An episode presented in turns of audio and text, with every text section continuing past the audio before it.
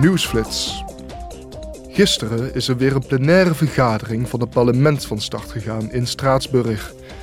De parlementsleden zullen morgen in debat gaan met voorzitters Charles Michel en Ursula von der Leyen om hun wensen en verwachtingen voor de komende EU-top te bespreken.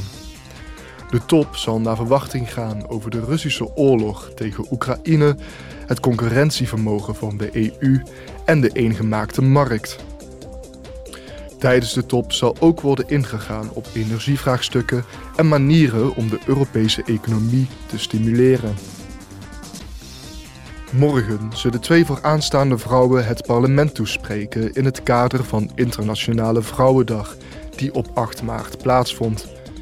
Het gaat om Shirin Ebadi, winnares van de Nobelprijs voor de Vrede, en Samantha Cristoforetti, een Italiaanse astronaut en de huidige commandant van het Internationaal Ruimtestation.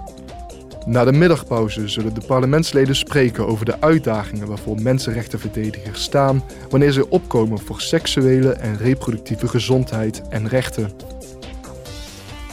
De parlementsleden zullen morgen ook de balans opmaken van de solidariteit en gedeelde verantwoordelijkheid in de EU op het vlak van asiel en migratie.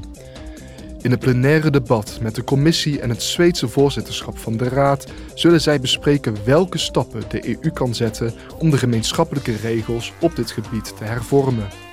In het licht van de tragische schipbreuken voor de kust van Italië zullen de parlementsleden naar verwachting vragen stellen over manieren om het onwettige vertrek van mensen te voorkomen en het verlies van mensenlevens tegen te gaan.